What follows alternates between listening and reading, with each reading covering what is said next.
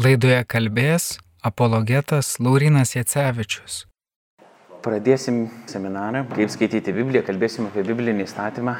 Yra toks įdomus žydų e, raštų rinkinys, vadinamas Talmudu, jų yra du - Jeruzalės ir Babilono. Ten yra iš esmės aiškinimai, e, tokia žodinė tradicija, aiškinimo, kas yra parašyta Toroje.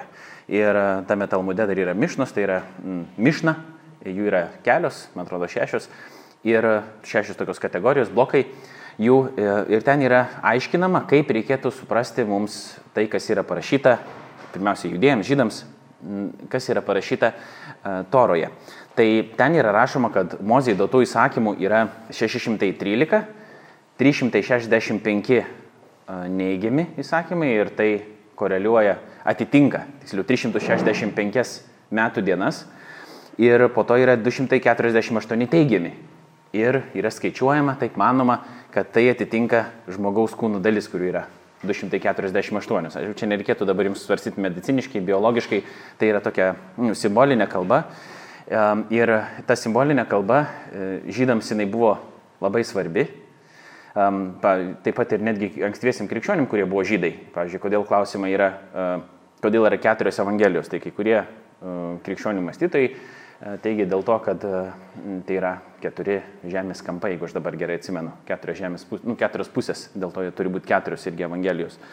O po to Talmude yra rašoma vienas iš, iš tų, kurie jį surašė, sako taip, kad Dovydas sutraukė tuos 613 arba 611 į 11 įstatymų, juos galima paskaityti 15 psalmiai, Izaijas iki 6, Izaijo 33 skyriui, Michėjas iki 3, po to Izaijas iki 2, o Mosas sako, kad visa tai remiasi vienu. Bet kai Jėzus paklausė, koks yra didžiausias įsakymas, jis sakė, klausyk Izraelį, mylėsi savo viešpati visą savo širdimi, visų protų, visomis jėgomis ir visą sielą, o savo artimą kaip patį save.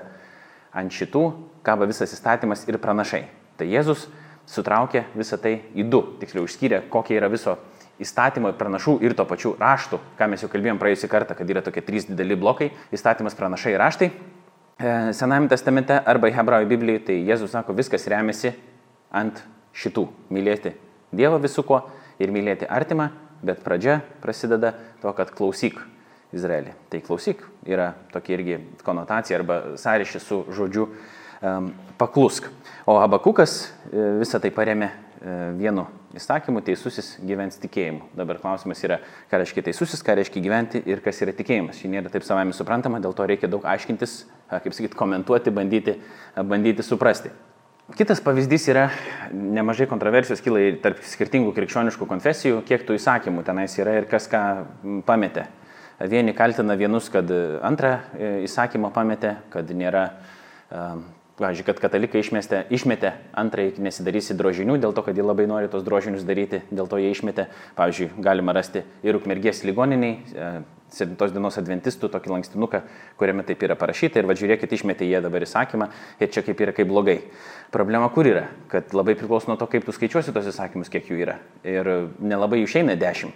E, netgi čia, jeigu norit, galite pradėti dabar skaičiuoti, jų išeina čia arba 12 arba 13. Jeigu žiūrėsi kiekvieną paliepimą, tai jų nėra 10 Yra kita priežastis, kodėl laikoma yra, kad jų yra dešimt, dėl to ir vis tiek reikia grupuoti, kažkurioje vietoje reikia grupuoti. Tai e, vieni grupuoja, vienos konfesijos grupuoja pirmus du, kad e, aš esu viešpats tavo Dievas, e, Dievas čia m, teigia ir yra pasakymas, tas pirmas įsakymas, neturėsi kitų dievų, tik tai mane vieną. Tai, pavyzdžiui, katalikų konfesija sudeda, neturėsi tų dievų tik mane vieną ir nedarysi drožinio į vieną įsakymą. Protestantų tradicijos paskutinius sudeda į vieną įsakymą, neišskiria. Ten, kur yra negeisi savo artimo žmonos, ten netrokščiai artimo namų ar lauko, vergo bei vergės, nes kiti nenori sudėti artimo žmoną kartu su jaučiu į tą patį įsakymą. Tarsi tai būtų, nu, kaip sakyt, žmona prilyginama jaučiu, tai dėl to, pažiūrėjau, išskiria šitos, kiti sudeda į vieną krūvą. Bet reikalas yra koks dabar. Mes kalbam, diskutuojam apie įstatymų kiekį ir numeraciją ir noriu pasakyti, kad čia nėra savaime suprantamas reikalas. Nežinau, kiek iš jūsų esate skaičiavę, kiek yra dešimtie Dievo įsakymų, kad nebūtinai yra jų dešimt. Tai yra priežastis, kodėl jų yra, sakau, laikomasi 10, bet jeigu tu skaičiuosi taip, sakau, kiekvieną išeina būna ir 12, ir 13, ir nebūtinai lygiai toks skaičius, vis tiek kažkur reikia grupuoti. Tai vienas konfesijos sako, gerai, drožiniai yra susijęs su stabų garbinimu Senajame testamente, dėl to mes juos pakeišim po to, kad nedarysi tai yra neturės jokių kitų dievų, tai reiškia šitas įtraukia ir tos drožinius, kurie, nu, drožiniai, visa kita, jie buvo tų pagoniškų dievų, vadinkim, atspindžiai. Kiti grupuoja kitus, tolimesnius tos įsakymus ir tada taip vis tiek gauna, išeina bendrai dešimt. Bet um, tas įstatymų skaičius ir numeracija nėra toks savame suprantamas dalykas. Dabar, kodėl mes apie tai kalbam? Dėl to, kad uh, E, pabandysim įsiaiškinti ir pažiūrėti, kad tas pats skaičius, kiek tų tiksliai įsakymų yra, jis nėra pats esminis dalykas. Esminis dalykas yra principas, kodėl tai įsakymai yra duoti ir kokia yra jų reikšmė. Nes 613 tų įsakymų ar 611 jų būtų, jie nėra toli gražu visi, kokie buvo duoti Izraeliui. Mes turim tiek surašytų jų, bet jų buvo daugiau. Taip numanoma. Ir tie įsakymai jie yra labai įdomiai sudėlioti Biblijoje. Vieni yra tose įstatymų blokuose vadinamuose, kur yra daug įsakymų išvardinama, o kiti yra naratyvė, pasakojime, išdėlioti kažkaip. Tai kaip mums dabar reikėtų juos suprasti? Ir čia kyla vairios tokios problemos. Vieni įstatymai atrodytų kilnus ir įkvepiantis, pavyzdžiui, kad izraeliečiams yra įsakoma, kad jeigu tu pjauni savo lauką, paliksi dalį, kas ten nukris, ne kad galėtų ateivis, imigrantas, nu ateivis ne iš kosmoso, bet nu, gal ir jie, aš nežinau tiksliai, bet atėję iš kitų šalių, iš kitų tautų, pasirinkti. Arba našlė, našlaitis, kad galėtų pasirinkti ir turėti savo kažko pragyvenimui. Tai reiškia, kad tau nebūtina absoliučiai nualinti savo žemės, irgi po to yra, kad duosi žemė palisėti kas kažkiek metų, taip pat paliksi kažką tam, kuris neturi ir taip toliau. Čia yra tokie nuorodos į taip vadinamą gerovės visuomenę arba ką mes turim šiandien taip vadinamą gerovės valstybę, nes socialinės apsaugos kaip tokios nebuvo, tai kas pasirūpins tais, kurie nebegali savim pasirūpinti. Ne? Tai va tokie yra, atrodo, Sename testamente mes randame tokių įkvepiančių kilnių pavyzdžių, kur aplinkinėse tautose nebuvo, o izraeliečiai tokius turėjo. Ne? Kiti yra tokie labai neaiškus įsakymai, pavyzdžiui, kad nesiskusi nuo savo smilkinių plaukų. Ir šiandien žydai, ortodoksiniai žydai, vyrai, turi ilgus tos peisus vadinamus arba bakembardus, mes sakytumėm. O kiti įstatymai atrodo tokie žiaurūs, pavyzdžiui, jeigu yra kažkoks mediumas iššaukiantis dvasias, yra Senam testamente nuoroda užmušti jį, akmenim užmėtyti. Ir dėl to mums nu, yra labai tokia keistenybė, ką čia dabar reikia daryti su tais įsakymais, kiek jų reikėtų laikytis, kurių tiksliai čia reikia laikytis. Ir atskiri krikščionys ir aiškios konfesijos, e, kaip sakyt, e, tarpusavį diskutuoja, vieni labiau aršiai, kiti mažiau aršiai, kiti vieną, pažiūrėjau, gabaliuką pasiemė dėl šabo, yra labai svarbu ir tada dėl šabo labai ginčiasi su visais, kad va, tai yra vienas iš dešimties dievo įsakymų. Ir dėl to va, šito būtent reikia laikytis, o šabas kas yra? Šeštadienis, dėl to šeštadienį reikia švęsti, o ne sekmadienį jokių būdų. Ir visi, kurie nešvenčia šeštadienio, tai reiškia ne nesilsi ir nešvenčia pamaldų tą dieną, tai yra nuklydę nuo Dievo įstatymą. Ne? Tai diskusijos vyksta, tai bandom mes kažkaip suprasti, apie ką čia eina kalba ir kodėl taip yra. Ir aš nežadu ir neturiu tokių pretenzijų čia dabar viską išaiškinti. Kartu su jumis aiškinuosi, bandau suprasti, remdamasis Bible Project medžiagą, kuri man pačiam buvo naudinga šiek tiek susidėti tam tikrus taškus ir įsiaiškinti. Dar kokios yra problemos? Nemažai tų įstatymų yra susijęs su šventikla ir aukojimų sistema. Bet reikalas yra toks, kad šventykla du kartus buvo sugriauta. 586 metais prieš Kristų ir po tas 70 metais po Kristaus antroji šventykla, kuri taip ir nebuvo niekada atstatyta. Ir mes kalbėjom kažkada, kad uh, kai jis buvo sugriauta šventykla, jau Jeruzalės antrą kartą, tai labai turėjo pasikeisti judaizmas. Visų pirma, irgi judaizmas tai yra naujas konstruktas, kaip hinduizmas, judaizmas, dar kas tik nori, nu, judėjai negalvoja, kad jie turi tokį dalyką, kaip vadinama judaizmu.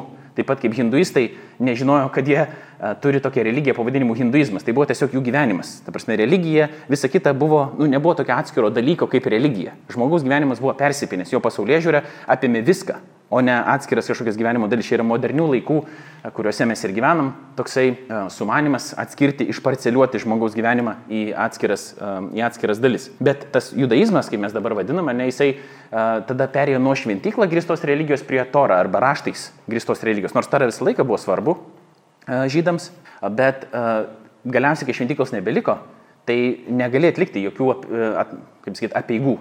Nėra kunigų tokio luomo. Ne? yra rašto aiškintojai ir taip toliau, bet ką daryti dabar, kai turi Hebrajų Bibliją pilną tokių įsakymų, bet jie yra susijęs su apieigom, o tų apieigų tiesiog negali atlikti fiziškai. Kiti įsakymai Senam testamente yra susijęs su pažadėtąją žemę. Tai dabar irgi, kai e, izraeliečiai atkeliavo ją, Tai ar jie tada išpildyti yra, kur reikia laikytis, nereikia laikytis. Ir nu, mums irgi reikia suprasti, ne, kad kai kurie yra susijęs su grinėje peigom, kurios atliekama šventyklai, kitos su pažadėtąją žemę. Ir tai jau reiškia, kad kai kurių net jeigu ir norėtum būtų neįmanoma laikytis. Toliau yra tokios problemos, kai Jėzus, pavyzdžiui, sako, aš atėjau nepanaikinti įstatymą, bet jo išpildyti. Ir sako, nei viena raidelė, nei vienas taškelis nedings iš įstatymo, bet aš atėjau išpildyti. Ir vėl, skirtingi žmonės skirtingai interpretuoja, ką reiškia, kad Jėzus atėjo išpildyti. Bet mes truputį bandysim pasiaiškinti. Kita vertus, Paulius sako, kad Mesijas yra įstatymo pabaiga. Nebėra įstatymo valdžios tiems, kurie yra Jėzuje Kristuje. Bet Jėzus sako, aš įstatymo nepanaikinau. Ir sako, tas, kuris myli mane, laikosi mano įstatymų. Tai vėl, kai kurie tada sako, čia Biblija yra nesąmonė, nes jį prieštarauja pati savo. Bet toli gražu taip nėra. Ir čia neina kalba apie harmonizaciją, kad reikia kažkaip suderinti dabar du viens kitam prieštaraujančius dalykus, bet reikia turėti kažkokį gilesnį žvilgsnį, apie ką čia iš vis eina kalba. Ne? Ir yra tas gilesnis žvilgsnis, jisai egzistuoja ir mes pabandysim kažką dabar suprasti. Kaip minėjau, dar yra tų problemų tokios susijusios su įstatymų išbarstymu, kad jie yra ne vienoje vietoje ir kaip mes jau išmokom, vienas iš dalykų, kad Biblijoje yra skirtingi žanrai. Ir reiškia, kad tu turi interpretuoti tam tikrus tekstus pagal žanrą. Tai jeigu pasakojame randam įstatymus, reiškia, tai galėtų reikšti vieną dalyką, jeigu mes ratom proziniam diskurse, randam tuos įstatymus, kur yra tiesiog toksai argumentuota kalba, viskas išdėstyta, proza, tai tada gali kažką kitą reikšti, jeigu mes randam, pavyzdžiui, poezijoje, tada kaip reikėtų vėl suprasti tuos įstatymus ir taip toliau.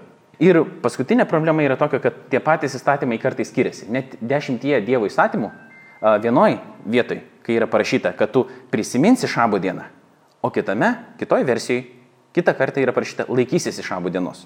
Tai ką reiškia dabar, yra skirtumas tarp prisiminti ir laikytis. Kiti gal sakytų nėra, bet jeigu žodžiai yra skirtingi, tai galbūt yra kažkokia kitokia reikšmė. Ne?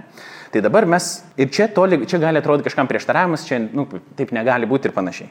Reikalas yra toks, kad taip yra, Biblija niekur nedingo, tie klausimai buvo visą laiką keliami ir tebėra keliami šiandien, kai kuriuos gal gali, nu, šiek tiek sujudinti, kaip čia taip gali būti, bet iš tikrųjų čia nieko nėra naujo. Čia tiesiog reikia galbūt kartais pakeisti tą savo žvilgsnį, kad mes galėtum suprasti iš viso, apie ką čia eina kalba ir galbūt tai, kaip mes žiūrėjom prieš tai, nebuvo iki galo tikslu. Net ir tie, kurie, sakau, nori, sako, kad e, tie įstatymai visi pažodžiui turi būti laikomasi, jų tiesiog fiziškai, sakau, nėra įmanoma įsilaikyti, nu, laikytis, vien dėl to, kad šventyklos jau nebėra. Ir jeigu taip, tai reiškia, jau mes turėtum kažkaip kitaip žiūrėti į tuos įstatymus. Bet jie yra svarbus. Vienas iš tų būdų, pavyzdžiui, kaip uh, liuteronų toks įkūrėjas Hansas Finys yra liuteronų uh, pastorius arba kunigas, jisai sako taip, bent jau toks liuteroniškas būtų žvilgsnis, kaip jisai uh, kalba apie Senojo testamento įstatymus ir jų galiojimą arba negaliojimą toj vadinamoji naujoji sandorai. Sandora tai yra nesutartis kažkokia, tai yra stipriau negu sutartis. Pavyzdžiui, atitikmuo būtų uh, santoka kuri nėra tiesiog susitarimas tarp mūsų, kažkokia transakcija, aš tau tą duodu, tu man tą duodi ir mes kada norim, tada galim nutraukti. Krikščioniškų to įsitikinimų šiaip santoka ar ne yra toksai tvirtas ryšys, įsipareigojimas tarp dviejų žmonių, kuris teoriškai, tik tais kraštutiniu atveju, kaip sakyti, gali būti nutraukiamas, šiaip neturėtų būti jisai nutraukiamas, nebent yra kažkokie jau kraštutiniai atvejai, apie, apie kuriuos, pavyzdžiui, Jėzus kalbėjo. Bet uh, tai yra sandoriai, įsipareigojimas vienas kitam. Tai Senajame testamente mes skaitome apie tai, kaip Dievas įsipareigoja ir vienai šeimai, Abraomo šeimai, bet įsipareigoja apskritai žmonijai ir įsipareigoja konkrečiai Izraelio tautai. E, ir tai yra, ten mes skaitome apie daug tų įvairių įstatymų. Tada Jėzus ateina, jis kalba apie naująją sandorą jo kraujyje. Yra naujas įsipareigojimas, kuris keičia tą seną, bet ką reiškia keičia vėl? Jis sako, ne panaikinu aš tą įstatymą, jisai cituoja daug iš hebrajų Biblijos, nes atsirado buvo tokių ir, um, ir šiais laikais yra ir buvo istorija, kurie sakė, ai, krikščionims nebereikia senojo testamento, nes ten jau viskas praėjo.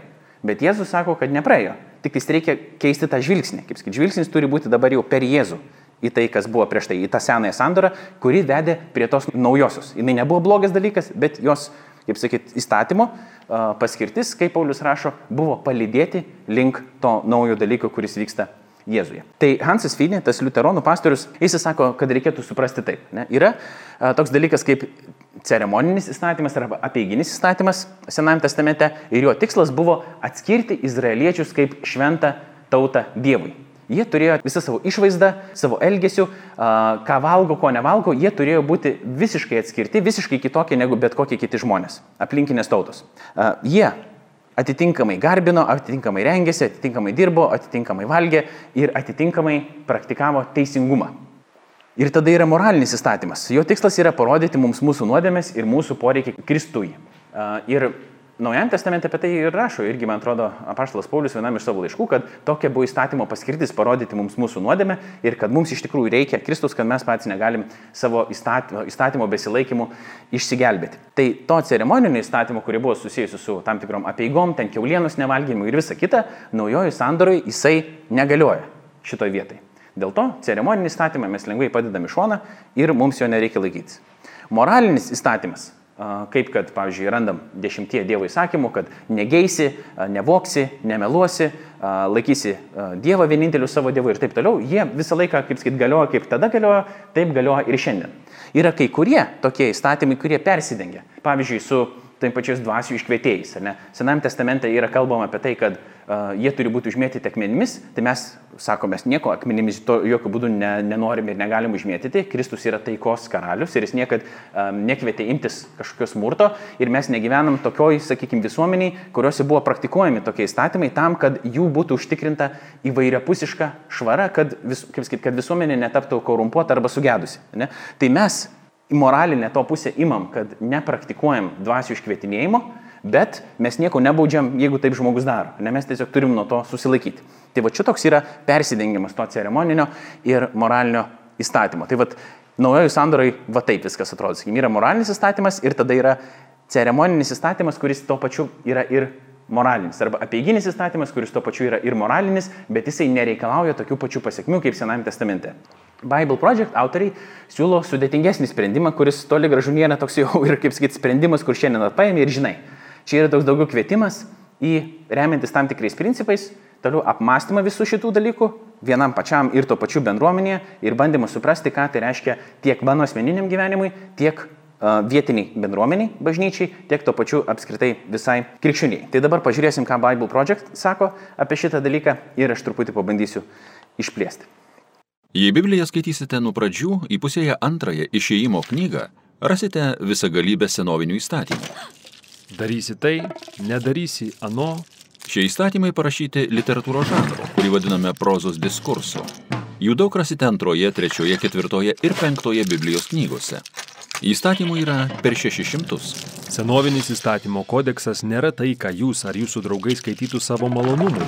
Todėl tikėtina, kad susidursite su sunkumais. Tad ir pakalbėkime, kaip dėrėtų skaityti įstatymą Biblijoje. Pirmiausia, svarbu atsiminti, kad Biblija nėra elgesio normų vadovėlis, pateikintis išsamų sąrašą, ką daryti ir ko nedaryti, kad Dievas būtų patenkintas. Tikrai, Biblija yra epinis pasakojimas, bet jame Dievas vis tik nurodo žmonėms, kaip elgtis. Tai jau tikrai. Pasakojimas pradedamas nuo Dievo plano valdyti pasaulį per žmonės, pasitikinčius juo ir gyvenančius pagal jo išmintį. O čia aptinkame pirmą dievišką įsakymą Biblijoje. Nevalgyk nuo gėrio ir blogio pažinimo medžio, nes tą dieną, kai paragausi, mirsi. Bet žmonės prisima valdžią pažinti ir patys nustatyti, kas yra gėris ir blogis. Tai nieko čia gero. Tai atveda prie smurto ir mirties pasaulyje, o jie ištremiami iš sodo. Ar tai ir yra pirmasis įstatymas Biblijoje? Na tai yra pirmas dieviškasis įsakymas. Jis kviečia žmonės kliautis Dievu ir gyventi jo išmintimi. Nors jis nėra vienas iš Izraeliui duotų įstatymų, bet yra jų pirmavaizdis, nes ir jie ragina pasitikėti Dievo išmintimi. O kada pasirodo Izraelio įstatymai? Nebuvo taip. Izraeliečiai vergavo Egipte, Dievas išgelbėjo juos ir pakvietė į sandorą grįstą santyki panašų į santoką, Įstatymai yra tos sandoros sąlygos. Ar turime visų Dievo Izraeliui duotų įstatymų rinkinį? Tiesą sakant, ne. Turime ne visus įstatymus, tik jų pavyzdžius, kurie tikslingai tarpti tarp pasakojimo apie tai, kaip Izraelis tuos įstatymus vis pažeidžia. A, matyt, tikimasi, kad aš pamatysiu, jog izraeliečiai nesiskiria nuo žmonių sode. Jie nepasitikė Dievu ir negyvena jo išmintimi. Taip. Tad ima suktis dar vienas tragedijų smurto ir mirties ratas. Jis baigėsi trimtimi. Nors įstatymai yra geri ir rodo Dievo išmintį, jie taip pat skleidžia Izraelio negebėjimą būti ištikimais Dievo bendradarbiais. Suprantu, bet skaitydamas įstatymus aptinku daug keistų nurodymų. Pavyzdžiui, draudimas siūti drabužį iš dviejų skirtingos rūšės audinių. Kaip tai atskleidžia Dievo išmintį? Na, svarbu suvokti, kad daugelis šių įstatymų yra senoviniai, apieiginiai simboliai, išskiriantys Izraelį iš kitų, tai yra padarantys tautą šventą. Kai kurie įstatymai Izraelį atskiri nuo kaimininių tautų, Kiti sulaikė juos nuo to, kas jų kultūroje simbolizavo mirtį, lygą ir moralinį sugedimą. Gerai. O kaip visas tas ritualinis gyvūnų žudimas? Aukos irgi buvo peiginiai simboliai, susijantys žmonės su Dievu. Kadangi tu mirtingasis negali pakilti į Dievo artumą jo dangiškoje šventykloje, paukotas nekaltas gyvūnas tai gali padaryti vietoj tavęs, pridengdamas tavo klaidas, kad žinotum, jog esi Dievo priimtas. Aišku, bet ne visi įstatymai yra senovinės apeigos. Kai kurie tiesiog skatina būti gerų žmogumi ir gerai elgtis su kitais. Na taip, tačiau įstatymo esmė yra veikiau ne kaip būti geram, bet teisingumas, kuris Dievui labai reikšmingas. Pirmame Biblijos puslapyje sužinome, kad žmogus sukurtas pagal Dievo atvaizdą ir vertas orumo. Izraelio laikais įstatymai tą siekiamybę pritaiko. Tiesą sakant, tais įstatymas vis dar grindžiamos daugelis teisingumo ir lygybės sampratų, kurias šiandien laikome savaime suprantamomis. Bet kai kurie įstatymai netrodo teisingi, pavyzdžiui, leidžiantis vergovę. Na, palangrinėjęs jos senovės kultūrinėme kontekste, pamatysi, kad Dievas pasitinka Izraelį ten, kuris tuo metu yra ir stumia teisingumo link. Nors vergovė nepanaikinama, bet pakertama. Pavyzdžiui, izraeliečiai įpareigojami pakartoti išlaisvinamą iš Egipto, kas septynerius metus paleidžiant vergus ir dovanojant jiems visas skolas. Senovės pasaulyje tai buvo revoliucinga. Gerai, o ką pasakysi apie įstatymus dėl šabo poilsio septintą dieną ir visų septynių dienų švenčių? Kas čia vyksta su tais septynetais? Visi tie įstatymai dėl švento laiko yra susijęs su pirmoju kūrimo pasakojimu pradžios knygoje. Dievas iš chaoso sukuria tvarką per šešias dienas, iš jų kiekviena turi aiškę pradžią ir pabaigą. Tačiau septintoji diena pabaigos neturi. Taip yra todėl, kad įrodo siekiamybę, žmonių bendrystę su Dievu jo valdžioje ir poilsyje. Visos tos septynių dienų šventės yra apeigos, simbolizuojančios tikrąją žmonijos paskirtį ir ateitį. Vadinasi, visus tuos Izraeliui duotus įstatymus galime priskirti šioms pagrindinėms kategorijoms. Taip, kiekviena kategorija išreiškia kokią nors dievų išminties įkviptą siekėmybę, o įstatymai rodo, kaip tos siekėmybės taikytinos senovės Izraelio kultūroje. Bet pasakojimas atskleidžia, kad Izraelis vis negebėdavo įvykdyti įstatymo. Kaip Dievas įtikins žmonės kliautis jo išmintimi? Namozė ir vėlesni pranašai tikėjo, kad vieną dieną Dievas perkei žmonių širdis, kad jie galėtų būti ištikimi sandoros bendrininkai, pasitikintys Dievo išmintimi. Tai mus priartina prie pasakojimo apie Jėzų. Taip Jėzus sakėsi atėjęs įvykdyti įstatymą. Teisingai. Jis buvo ištikimasis sandoros bendrininkas. Toks turėjo būti Izraelis ir visa žmonija, tik jiems nepavyko. Jėzus gyveno vadovaudamasis dieviškosiomis siekiamybėmis, kuriomis buvo grįsti įstatymai. Be to, jis mokė, kad visus juos įvykdysi mylėdamas Dievą ir savo artimą kaip pat save. Ir Jėzus pažadėjo, jog ateis Dievo dvasia, kuri perkeis jo sekėjus, kad jie irgi įstengtų šitaip gyventi. Tad šiandien, tuos įstatymus skaitant Jėzaus sekėjams, turime nepamiršti, kad jie Izraeliui buvo duoti jo senovinės kultūros aplinkoje. Daugelį jų negalėtume įvykdyti, net jei stengtumėsi. Tačiau įstatymuose gali išvelgti Dievo išmintį. Teisingai. Ir kliautis, kad Dievo dvasia ves tave paskui tą išmintį, tau mokantis mylėti Dievą ir savo artimą, kaip save patį. Pabandom suprasti tada, apie ką čia eina kalba. Bus keli tokie punktai, man atrodo, iš vis šeši, per kuriuos mes praeisim ir pabandysim pasiaiškinti tą įstatymų prasme Biblijoje. Tai tie 613 įstatymų, jie nėra įstatymų kodeksas, kad mes dabar susirėdam kiekvieną tą įstatymą ir matuojam savo kiekvieną elgesį būtent pagal tai, kaip tenais yra uh, parašyta. Tie įstatymai yra atspindys, kažkok, atspindys kažkokios gilesnės išminties, um, tai yra tam tikra išraiška. O tų įstatymų, jeigu mes norėtume laikytis kiekvieno, kaip minėjau, ir neišeitų jų visų laikytis, o kitas dalykas, jų buvo ir daugiau. Tai reiškia, jeigu nu, kaip tada sužinoti tą Dievo valią, jeigu žmogus nori laikytis tų įstatymų, kuriuos Dievas yra davęs, bet tada nepavyksta. Ir 613, jokių būdų mes patys suprantam, negali mūsų viso gyvenimo reglamentuoti. Yra neįmanoma šitais 613 įstatymų. Um, kaip sakyti, nurodyti kiekvieno tavo elgesio kiekvienoje situacijoje. Tai reiškia, jų reikšmė kažkokia yra gilesnė. Aurelijus Augustinas, vienas iš ankstyvųjų krikščionių mąstytojų, irgi sakė tokį teiginį, kad mylėk ir daryk, ką nori. Na kaip tu gali dabar daryti, ką nori, atrodytų. Bet jeigu tau vadovauja meilė vien tik tai, tai tada tas tavo elgesys neprieštaraus Dievo įsakymui. Bet klausimas vėl, ar tu teisingai supranti, ką reiškia mylėti. Ir tada Jėzus aiškino, kad ne visi teisingai supranta, ką reiškia mylėti. Tai ne kažkoks jausmas yra tavyje, bet tai yra atitinkamas veiksmas. Būna tinkamam santykiai su Dievu ir tinkamam santykiai su savo artimu, o artimas kas yra netgi tavo priešas. Nu tai va tokių įdomybių, ne, mes čia gautum, kad reikia dar giliau aiškintis, apie ką ten ėjo kalba. Bet ką mums reikia suprasti, kad įstatymai yra sandoro grįsto santykio sąlygos, o ne įstatymų kodeksas. Pavyzdžiui, sutoktiniai, ką tas reiškia dabar? Kad uh, sutoktiniai, kai sako viens kitam priesaiką, tai nereiškia, kad jie apsiriboja vien tik tais, tais dalykais. Ir kas priesaikų yra nepasakyta, tai reiškia, šitų dalykų tada aš jau nedarysiu. Tai reiškia, kiek tu turėtum susirašyti tą savo priesaiką, kad po to galėtum rodyti savo sutoktinį, žiūrėk, va, buvo parašyta, o tu nevykdai man. Tai supranti, jeigu myli, tai čia yra tiesiog tie, ta priesaika yra išraiška to, ko tu esi nusiteikęs daryti. Bet tai nėra visų tiesiog ribotas galutinis sąrašas, ne? tai yra kažkokio gilesnio dalyko atspindys. Tai labai panašiai šitie įstatymai yra tos sandoros sąlygos, kurios ir tie įstatymai yra jos atspindys, bet tai nėra joks baigtinis sąrašas, nes po to galima sakyti, ai, Dievas nedavė man to įsakymo, tada aš jo neturiu laikytis. Tai reiškia, kad nepagavom minties. Kitas dalykas, jeigu tie įstatymai atrodo keisti, natūralu, nes mums ir kitų valstybių dabartiniai įstatymai atrodo kartais keisti, bet jie būdavo duoti su tam tikru tikslu. Tai čia prieš 2000 metų ir netgi daugiau, prieš 3000 metų ne, duoti tam tikri įstatymai visiškai kitokiai kitokio kultūroje negu mūsų, visiškai kitokiam laikmetį, ne, mums jie atrodo keisti, be abejo. Bet netgi aplinkiniam tautom kai kurie įstatymai atrodė keisti, nes jie taip nu, netėjo net į galvą, kad reikėtų vergus paleisti kas septynis metus, pavyzdžiui. Ne? O čia buvo revoliucinga, mums atrodo per mažai. O iš tikrųjų tuo metu tai buvo tam tikra revoliucija, niekas taip daugiau nedarė. Ir tai yra pasaulyje žiūrė, tam tikras pasaulyje žiūrinis atspindys, kad žmogus sukurtas pagal Dievo atvaizdą yra, dėl to jisai, kaip sakyti, jis uh, yra orus iš prigimties. Ir tai yra tam jau tikros sėklos pasėtos, pavyzdžiui, ir vergystės panaikinimai galiausiai, kur vieni iš abolicionistų, tų vergyje panaikinusių žmonių judėjimo prieš akį esančių buvo krikščionys, kurie taip pat rėmėsi biblinę pasaulyje žiūrę. Aišku, buvo ir tų, irgi krikščionių, kurie bedė į senąjį, pavyzdžiui, testamentą ir sakė, ir taip pat ir naują, sakė, žiūrėkit, vergystė yra pateisinama, pats Dievas tai uh, įsteigė. Bet kodėl dabar čia yra problema? Dėl to, kad nu, hermeneutika arba rašto aiškinimas visą laiką buvo diskusijų toksai objektas, bet galiausiai, ne, ilgainiui mes nu, kaip sakyti, priimame, kad yra įmanoma išsiaiškinti tam, tam tikrus dalykus ir čia yra ne, pat, ne Biblijos problema, o tų žmonių, kurie ją aiškina, pavyzdžiui, klaidingai. Ne? Bet uh, toliau, uh, apie ką čia yra kalbama, apie tą įstatymą kaip sando grįsto santykio sąlygas, o ne įstatymų kodeksą, kad Dievas liepia Izraeliui klausytis jo balso ir laikytis jo sandoros, kad jie būtų kunigų karalystė ir šventa tauta. Kitaip tariant, mums reikia turėti omeny tikslą šitų įstatymų. Ne šiaip žiūrėti pavienį kiekvieną įstatymą, o kodėl jie buvo duoti. Jie buvo duoti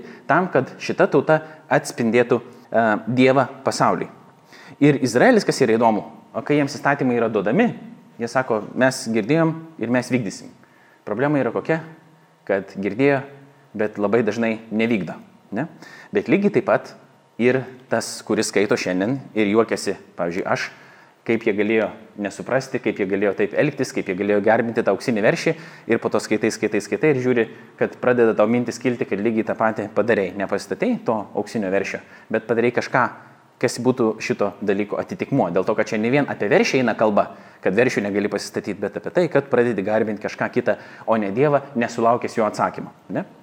Tai toks Lefebvras įvardyja tris pagrindinius įstatymų tikslus. Tai yra teisinio švietimo tekstai, kur e, jie yra dažniausiai pasitaikantis sprendimų rinkiniai toje kultūroje, sudaryti siekiant lavinti vadovų moralinius instinktus, o ne įteisinti realią praktiką. Ką tas dabar reiškia? Paprastai žodžiais, tai e, kad šitie įstatymai, tai nėra tiesiog nu, kodeksas surašytų va, tų teiginių, pagal kurį kiekvieną yra teisiamas žmogus, bet jie turi išmintingai, taip pasime, formuoti išmintingus žmonės, kurie žinotų, kaip elgtis kiekvienoje situacijoje.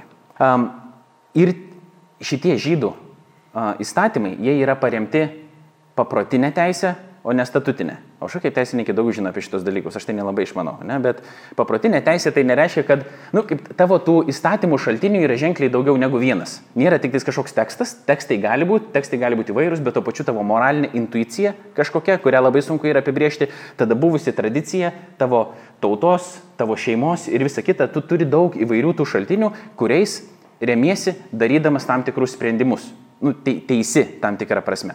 O statutinė teisė, jeigu aš teisingai pasakysiu, ne, kad yra surašyti tam tikri įstatymai ir yra labai svarbu, kaip yra tiksliai surašyti, kad tu negali nukrypti nei trupučio, tada yra teisininkai, kurie aiškinasi kiekvieną tą interpretaciją ir kai tu formuluoji įstatymą, turi būti kuo mažiau vietos interpretacijai, nes, pavyzdžiui, lėktuve būdavo parašyta, nelau, nelaužysite uh, ten dūmų detektorių, pavyzdžiui.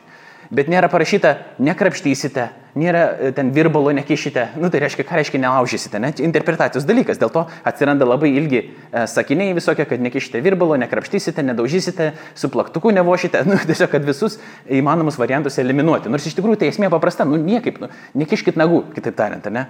Bet vėl, nekiškit nagų, tai gal galima koją kišti, tada jeigu ne nagą kišti, ne? Tai va, apie tą eina kalba.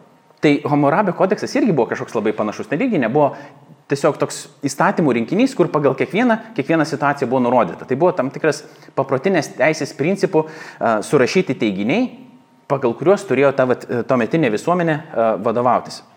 Ir tame Hamurabio kodekse geriame karaliaus išmintis ir teisingumas ir teigiama, kad jo sprendimai iš tiesų yra dieviškai įkvėpti. Kitaip tariant, va, tas karalius, jisai teikdamas tos įstatymus, jisai ne pats kažką čia sako, bet jisai vadovaujasi kažkokį gilesnį išmintimi. Ir trečias dalykas yra mokomieji tekstai, tai rinkiniai skirti raštininkų klasiai mokyti ir supažindinti juos su literatūrinė teisingumo tradicija. Tai tie įstatymai buvo tarsi išminties šaltinis tiems, kurie turėdavo teisę spręsti, valstybę valdyti. Bet tai nereiškia, tai vėl jie žinojo viską, tiesiog va to 613 turi ir viskas. Jie buvo tarsi pavyzdžiai, kurie buvo vienas iš tų šaltinių, kuriais vadovaudamėsi jie galėdavo priimti išmintingus ir gerus sprendimus biblinis žmogus nežiūri vien tik šitos 613 įstatymų, kuriais vadovaujas kiekvienu papunkčiui, bet jisai bando iš jų gauti išminties, remdamasis ir kitais esančiais šaltiniais. Dabar um, po to mes pakalbėsim, kokie tie kiti šaltiniai buvo ir, ir yra, yra jų um, pavyzdžių. Čia yra keli skirtumai aprašyti, tai aš tiesiog juos perskaitysiu, kad galėtume mes pamatyti didesnį skirtumą tarp statutinės ir paprotinės teisės, kad aš pats nenusišnekėčiau, bandydamas interpretuoti ir teisės neišmanydamas. Statutiniai teisiai, rašytinė teisė pati savaime yra autoritetingas teisinės praktikos pareiškimas, o norma turi galę nuo jos paskelbimo momento. Tiksli rašytinės teisės normos formuluotė yra privaloma, o rašytinės teisės normos paskelbimas turi viršenybę prieš ankstesnės teisinės praktikos teiginius. Kitaip tariant, griežta įstatymo raidė, kurios reikia papunkčiui laikytis ir tu nieko dėl to negali padaryti. Jeigu prieš tai buvo vienoks įstatymas, po to ateina pakeitimas, tam tikras yra išleidžiamas, nuo tos sekundės, kai jis yra išleidžiamas, senasis nebegalioja ir tu turi tu laikytis šito naujo. Poprotinė teisė, kad rašytinė teisė apibūdina teisinės praktikos taikymą, bet pati savaime nėra teisė. Kitaip tariant, tie įstatymai yra principo išraiškos kažkokio gilesnio, bet tai nėra baigtinis sąrašas įvairių teisinių teiginių, kur reikia papunkčiui laikytis. Rašytinė norma taiko jau už teksto ribų veikiančią normą. Reiškia, visuomenė jau vyksta, jau yra įstatymai tam tikrų būdų taikomi, o ta rašytinė teisė juos tam tikrą prasme atspindi. Ir galiausiai, kai m, išeina kažkoks naujas įstatymas paprotiniai teisėjai, tai nereiškia, kad senas nustoja galioti, bet tas, e, jisai kaip papildo arba praplečia to seno supratimą. Toliau, pats tas žodis įstatymas yra įdomus, kadangi uh, taip yra verčiamas hebrajiškas žodis tora. Ir tora gali reikšti ir nurodymą, ir instrukciją, ir mokymą. Ir dažnai tas žodis įstatymas arba ta tora, ir Paulius prieš tai kalbėjo, tam, pavyzdžiui, mamos nurodymai vaikui yra irgi tora. Tai šitas žodis yra vartojamas kartu su išmintimi, tiesa ir su teisingumu. Teisėjai, bibliniai, um, kartais kilo klausimas, ar juos taip reikėtų vadinti, nes kai mes įsivaizduojam teisėją, tai va jis sėdi ir tiesiog sako taip arba kitaip. O teisėjai bibliniai jie buvo Izraelio tautos vadovai ir jie elgėsi pagal paprotinės teisės principus ir buvo skiriami ne pagal tai, kaip jie iš, išmane um, teisę. Nu, pavyzdžiui, kokie nors konstitucinės um, Konstitucinio teismo pirmininkas, nes turi išmanyti labai gerai teisę. Aišku, ir jo charakterį kažkiek yra kreipiamas dėmesys, jis turi būti nesustebęs. Bet jeigu jis neišmano teisės normų kiekvienos, jeigu jis nėra uh, teisininkas, neturi teisinio įsilavinimo, jis negali tokiu tapti, jis privalo išmanyti. O Izraelio teisėjai, jų pagrindinis skirimas buvo pagal jų moralinį charakterį, kokie jie buvo. Labai panašiai ir su viskupais Naujajame testamente. Um, tie, kurie būdavo skiriami, yra, pavyzdžiui, laiškuose rašoma, kad turi būti negirtuoklis viskupas, nekivirčius, vienos žmonos vyras, mokantis auklėti savo vaikus ir taip toliau. Ne tiek, kiek jisai ten turi teologinį išmanimą turėti, tas irgi yra svarbu, bet pirmiausia eina jo moralinis charakteris. Ar jisai sugeba mylėti Dievą ir ar jisai sugeba mylėti savo artimą. Ir pasakojimai, pasakojimai apie teisinius sprendimus dažnai skiriasi nuo biblinio įstatymo nuostatų, o sprendimai daromi neatsižvelgiant į konkrečią teisės normą. Apie ką čia dabar kalba? Kad yra, mes turim precedentą Senajame testamente, kad e, bibliniai herojai padarė tam tikrus sprendimus, tai reiškia teisė ir teisė teisingai, nesiremdami hebrajų Biblijoje esančių įstatymų. Ir tokie pavyzdžiai. Pavyzdžiui, Dovydas atleidžia Apsalomui už uh, nužudimą. Šiaip jisai neturėjo teisės atleisti jam pagal Hebrajų Biblijos įstatymą, bet jisai atleidžia. Reiškia, ne, tai ta kažkokia išimtis įvyksta. Kaip tai yra įmanoma? Reiškia, jis remiasi kažkuo gilesniu, kažkuo daugiau, kad galėtų tokį sprendimą padaryti. Jeremijas apeliuoja Michėją precedentą, kai apkaltinamas už išdavystę. Nes jis sakė, kad šventykla bus sunaikinta, jį pradėjo kaltinti išdavystę ir jis sakė, palauk, palaukit, palaukit. Bet Michėjas irgi kalbėjo anksčiau, prieš tai. Ir jums nepatiko, bet jis kalbėjo Dievo vardu. Tai reiškia, yra precedentas. Aš irgi galiu kalbėti Dievo vardu, dėl to manęs už išdavystę, jeigu aš kalbu Dievo vardu, negalima nuteisti, net jeigu jums nepatinka tai, ką aš sakau. Ir žinote tokią istoriją apie Saliamoną ir e, dvi moteris, kurios atneša kūdikį. Ir yra dar dabar sakomas saliamoniškas sprendimas, ne, ir pasakykit, kaip Saliamonas įsprendžia, kurios vaikas jis yra. Nes dvi moteris sako, kad šitas vaikas yra mano. Ir ką jis pasako, kaip reikia išspręsti per pusę reikia padalinti, ne? Tai Saliamonas čia nesiremia jokių, jokių biblinių įstatymų prieš tai buvusių. Jis remiasi kažkokia gilesnė išmintimi ir niekaip neapeliuoja į jokį įstatymą. Nes kitu atveju, jeigu reikėtų viską daryti pagal įstatymą, kaip yra parašyta, tai jis ieškotų tos normos, ką dabar daryti šitoje situacijoje. Nėra tokios. Jis remiasi kažkuo giliau, tai vadinama tokia, nu, jisai buvo išmintingiausias žmogus žemėje, pripažinęs, kad yra vaikas ir nieko nesupranta ir dėl to jam reikia išminties. Ne? Ir tai yra kažkokia dieviška išmintis, kuri ne vien tik iš jo atėjusi, bet jisai gauna tokios išvalgos įspręsti šitą situaciją, kuri žavi žmonės dar ir šiandien.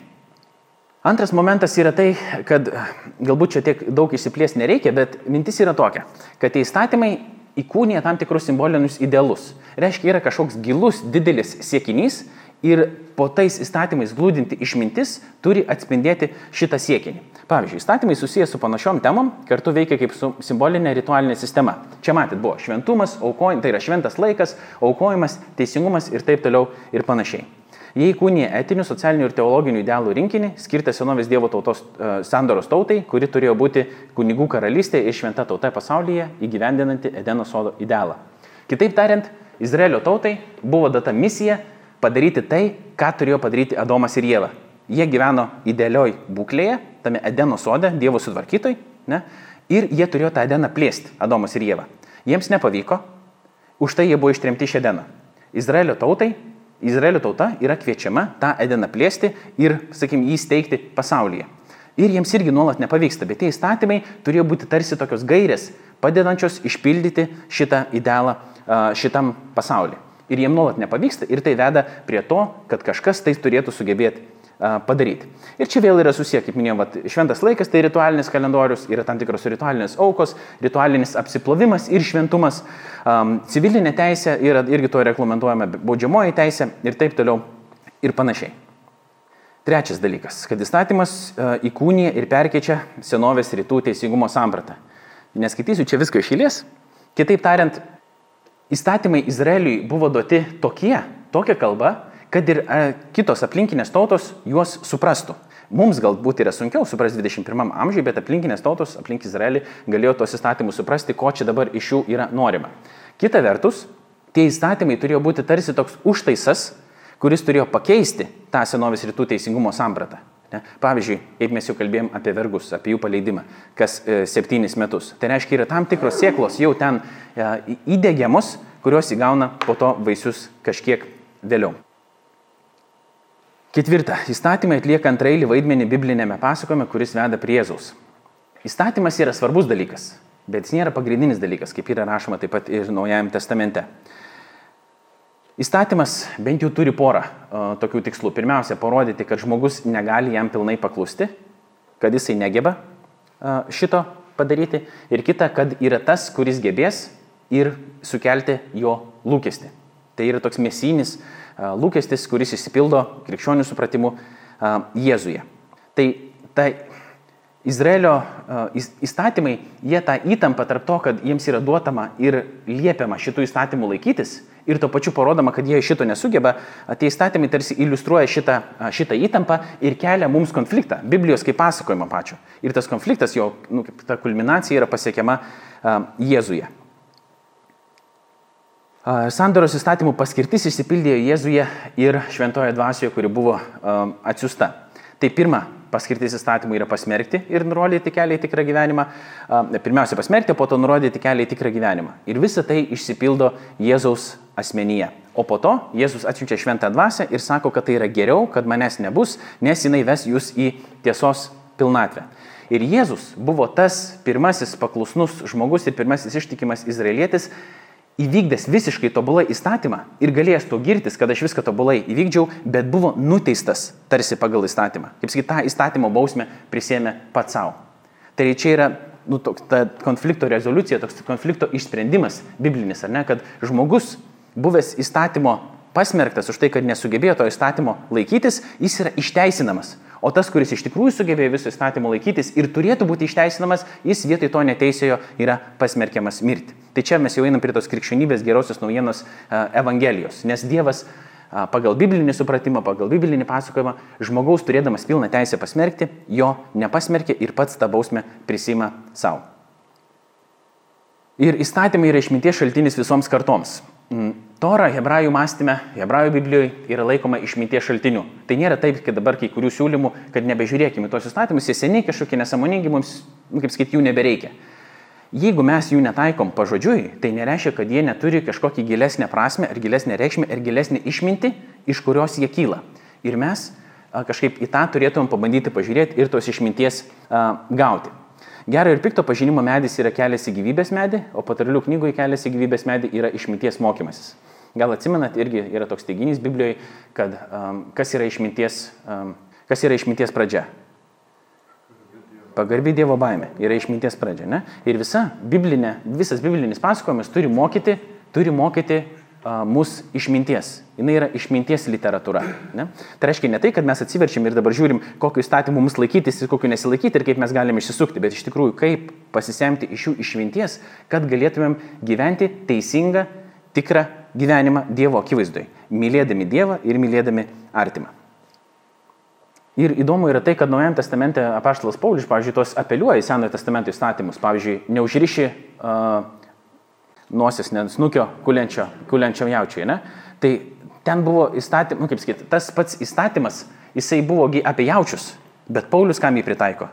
darbininkams, kurie skelbia Evangeliją, kad jie turi galimybę išsilaikyti iš to. Tai ką, ar Paulius tada nesilaiko Senojo testamento įstatymą, nes jis kitaip interpretuoja, negu tame kontekste. Ne? Reiškia, žiūri į išmintį, kokia buvo prieš to, kad tas, kuris dirba, yra vertas savo užmokesčio, kaip jautis, ne? jisai turi ką pavalgyti turėti, dėl to, kad jisai dirba, taip ir tas, kuris daro šitą darbą, irgi turi turėti ką pavalgyti. Nes jeigu jis tai būtų tiesiog visiškai nežiūrėjęs į išminties principą, o visiškai pažodžiui, tai jis niekada negalėtų šito įstatymo pritaikyti šitam naujam kontekstui. Bet jis pamato išmintingą principą, kuris yra po šituo įstatymu, o ne tik tais įstatymo raidė. Ir tai yra žymiai, nu, kaip sakyti, giliau. Ne?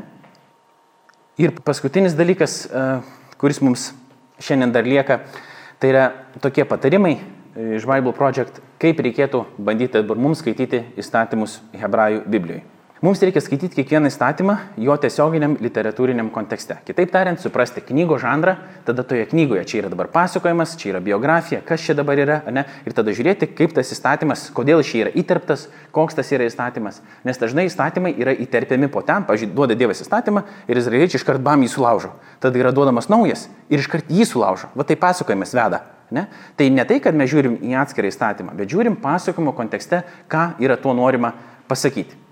Kalbėjo apologetika.lt svetainės įkūrėjas Laurinas Jacevičius.